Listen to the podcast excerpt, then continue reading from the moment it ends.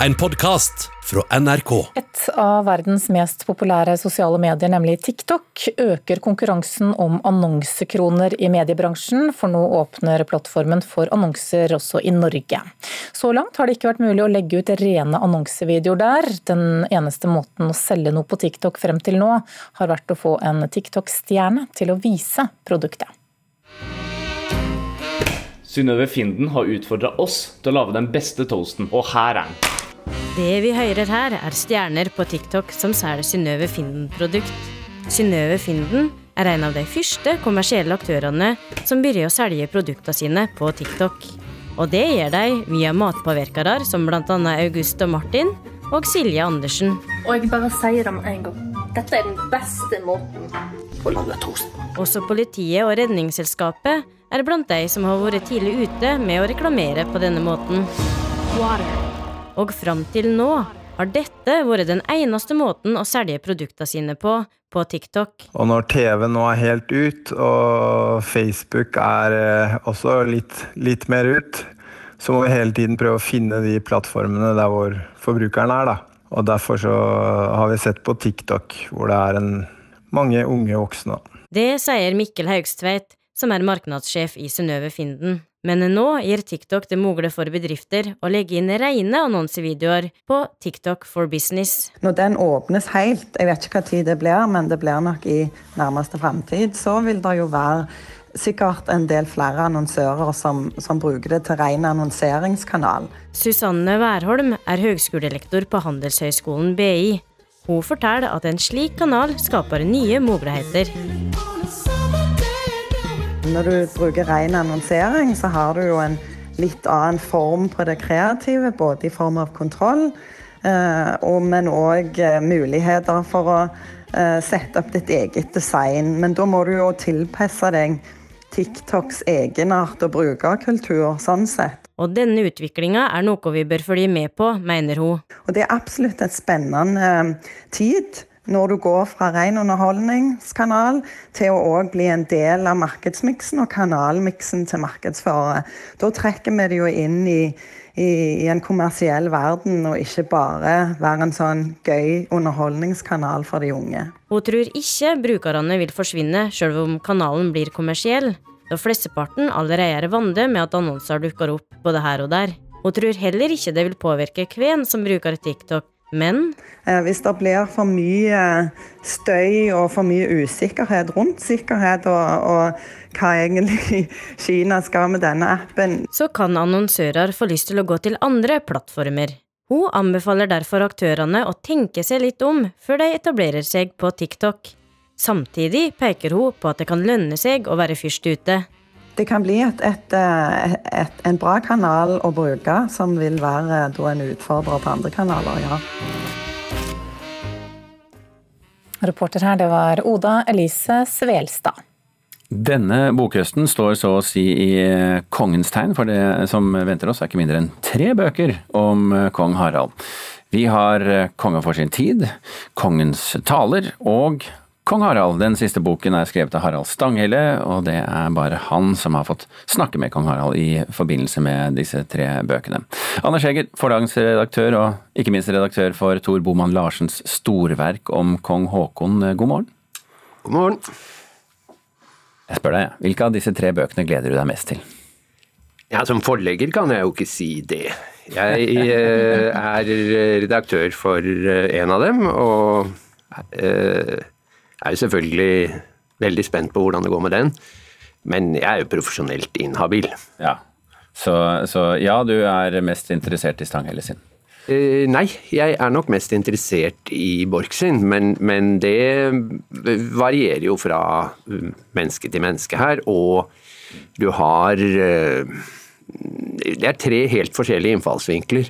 Altså, du kan si Kongens taler er jo en dokumentasjon av en historisk periode som er interessant i kraft av det. Stanghelles er interessant fordi det er kong eh, Haralds egne ord. Eh, og Borchs er interessant fordi den er en analytisk bok om uh, vår konge nå. Er det nok interesse i folket for å få tre bøker om og med kong Harald? Ja, det er det absolutt. Uh, og Er det forlagsmannen som taler nå, eller er det Nei, det er, det er uh, et Det er basert på en erfaring. Altså, dette er jo ikke noe nytt. Det har jo alltid vært mye litterært fokus på Slottet og, og de kongelige. Det som er spesielt i den norske tradisjonen om disse bøkene, er at de er i veldig liten grad fokusert rundt øh, den personlige beskrivelsen av mennesket. Uh, en konge lever jo ikke egentlig et så veldig interessant liv, med noen sånne enormt uh, spennende unntak, altså noen øyeblikk. Men disse bøkene er, og det er mye takket være Tor Boman Larsens, at han har satt en ny standard, veldig fokusert på den konstitusjonelle rollen kongen spiller.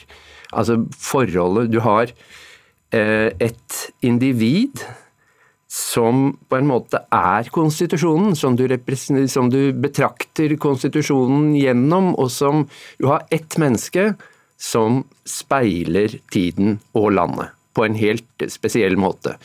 Sånn sett er det bøker som hever seg veldig langt over liksom, beskrivelser av luksus og glamour og, og storslåtte interiører og sånn. Men, men, Betyr det at vi får vite vel så mye om samfunnet vi lever i, som vi får vite om kong Harald? Ja, absolutt. Ikke bare i disse bøkene. I, du kan ta et eksempel som The Crown, f.eks. Som altså er en beskrivelse av en epoke i Storbritannias historie. Eh, og det, er, det å se på det på den måten, da er bøker om monarken, eh, nasjonens hode som det kalles, eh, en veldig interessant måte å se det på. Men du får jo bare dette via et helt bestemt blikkpunkt. En, en helt en enkel uh, liten glugge som du betrakter samfunnet gjennom. Mm. Jeg har jo ikke opplevd at det er så mye å kritisere kong Harald for. Men er det rom i Norge for en kritisk tilnærming til ham som konge? Det er som du sier, eh, problemet, eller mangelen på problem, er jo at vår konge er sikkert ikke perfekt, men det verken vet vi eller har vi noe med. Eh, han er en eh, Han er akkurat så synlig som en monark skal være.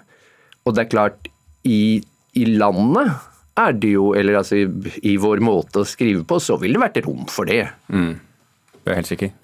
Ja, hvis vi hadde hatt noe i nærheten av det Spania har nå, så ville det kommet. Ok. Anders Eger, forlagsredaktør, takk for at du var med oss her. Vi får glede oss til eh, bokhøsten. Vi skal fortsatt snakke om, om, bøker vi her i Nyhetsmorgen, for uh, der er de nylig offentliggjort tallene litt overraskende når det gjelder koronasituasjonen. Og kulturreporter Ida Yasin Andersen, Hvorfor det? Jo, Allmennbokmarkedet viser en oppgang på 5,5 eh, første halvdel av 2020, sammenlignet med samme tid i 2019. Det viser Forleggerforeningen sine eh, halvårstall. Og det er jo litt finurlig med tanke på at veldig mange andre sektorer sliter nå som følge av korona. Men dette er jo i stor grad pga. digitale strømmetjenester. Det er det Klassekampen som skriver. Og ifølge de to største strømmetjenestene Fabel og Storytel, så ble det lytta til overkant av tre millioner millioner lydbøker første halvår i 2020, mot rundt 2,3 millioner lyttinger i 2019. Hva med salget av fysiske bøker, hvordan står det til der? Jo, Der er situasjonen en litt annen, for her er det en nedgang på 3,9% for innbundne bøker og 5,8 for pocketbøker. Og Kristin Einarsson, direktør i Forleggerforeningen, mener tallene naturligvis er prega av koronaeffekten. Og han forteller at eh, året starta ganske bra for det fysiske boksalet. Eh, ved utgangen av, 20, utgangen av februar var salet om lag 13 eh, høyere enn i fjor. Og så kom nedstenginga, da. Men han sier at han er positivt overrasket over salget av papirbøker så langt i år, alt tatt i betraktning. Hva betyr dette for bokmarkedet, da? Får det noen konsekvenser? Ja, da at det er så stor oppgang i digitale strømmetjenester, eh, mener leder av Forfatterforeningen Heidi Marie Kristning at kan være, eh, kan være litt bekymringsverdig på noen områder. Eh, frykter at bredden, hun frykter at bredden i norsk litteratur kan bli svekka. Hun sier at når strømming blir mer og mer lønnsomt, så er det naturlig at forlagene øke satsinga på dette. Mm, men hvorfor er det problematisk? For I en undersøking eh, ble 68 forfattere spurt om hva de tjente på eh, lydbokstrømming sommeren 2019, og de tjente totalt 1,2 millioner kroner. Og krim- og underholdningsforfattere sto for 800 000 kroner av eh, dette. Og til sammenligning sto lyrikk- og novellebøker for litt over 20 000 kroner. Og Kristning peker da på at det som selger på papir, ikke nødvendigvis er det som selger i strømmetjenestene. Ok, Takk skal du ha, kulturreporter Ida Yasin Andersen. I høst åpner det nye Munch-museet i eh, Bjørvika. Frem til eh, åpningen viser det gamle museet på Tøyen utstillingen På vei ut. Mona Palle Bjerke, kunstkritiker her i NRK. Hva sier du til alle de som nå heve på øyenbrynet og sier avslutningsutstilling, har ikke vi hørt om dette før? Ja, det har vært litt sånn ulv, ulv og ulv igjen. Eh, I mai i fjor så presenterte de den, liksom det som var den store, eh, siste store utstillingen på Tøyen, det var Exit. Eh, og deretter fulgte de opp i september med det de kalte en finale, alt det vi eier. Og nå presenterer de altså utstillingen på vei ut, i tillegg til at de har hatt dette fantastiske avskjedsprosjektet gjennom flere år som heter Munch-museet i bevegelse, som er en metaforisk vandring fra Tøyen til Bjørvik Bjørvika. Mm. Men de skal jo ha ros for da, at de eh, snur seg på gulvet og lager nye avskjedsutstillinger når det blir utsettelser, istedenfor å stenge dørene. Og kanskje må vi ha en såpass grundig på en måte avskjed med et museum som har slått så eh, dyktige røtter holdt jeg på å si, på Tøyen, sånn at vi får sjelen med oss på flyttelasset. Men er dette en siste utstilling, og hvordan, og hvordan er den? Ja, Dette er den siste utstillingen, det skal det være. Og den skal altså være åpen helt frem til det nye eh, museet åpner i Bjørvika en eller annen gang før jul. Og Den er ganske liten, men likevel rik. Den har både hovedverk som Skrik og Solen, men også helt ukjente arbeider. Noen som kanskje aldri har vært eh, vist, sånn som et vakkert lite landskap med bjørkestammer. Utstillingen byr på både lys og mørke. Det er dunkle, symboltunge malerier som eh, det kjente Melankoli, Laura, hans søster på psykiatrisk institusjon. Et fantastisk skildring av et menneske fanget i seg selv. Hun sitter krumbøyd, eh, litt sånn sammensunket, mørkt hår, øynene er fulle av angst. Og så ser du liksom interiøret blusser, akkurat som hele interiøret på en måte bærer hennes hjerteslag, hennes uh, angst. Da. Mm. Det er jo veldig typisk for Munch. Men vi har også en del av disse mer livsbejaende, fargesprakende bildene fra etter 1908. Det er 'Badende mann' fra 1918 det er bølgeslag mot svaberg. Disse vitalistiske eh, bildene. Så på vei ut har mer enn én bunn, med andre ord? Absolutt. Her er det, henspiller ikke bare på flyttingen, nei. Det er jo også forholdet mellom det indre og det ytre, som er en veldig relevant tematikk i forhold til Munch. Det at eh, omgivelsene, interiører, sånn som vi har hørt, men også landskapet tar farge av de menneskelige eh, følelsene. Og det er En annen veldig fin ting ved denne utstillingen er at mange av bildene er vist uten glass foran. og Det er jo ikke hverdagskost lenger, rett og slett fordi de ikke har hatt kapasitet midt i flyttingen til å glasse bildene. Og Det er jo fantastisk, for da får vi en veldig sånn sanselig nærhet i eh, opplevelsen. Mm. Eh, nå er det jo eh, koronapandemi rundt omkring i verden. Mange museer har rustet opp sine digitale alternativer. Eh, hva, hva, med denne utstillingen? Ja, Den har noe som heter Skrik live 24-7, som er en slags skrik minutt for minutt, noe som jeg ikke skjønner poenget med i det hele tatt. Altså, Du får ikke en mer levende opplevelse av en filming enn av et høyoppløselig fotografi. Det er fremdeles ikke å være til stede. Dette er sakte-TV? Ja, dette er virkelig sakte-TV uten et hendelsesforløp.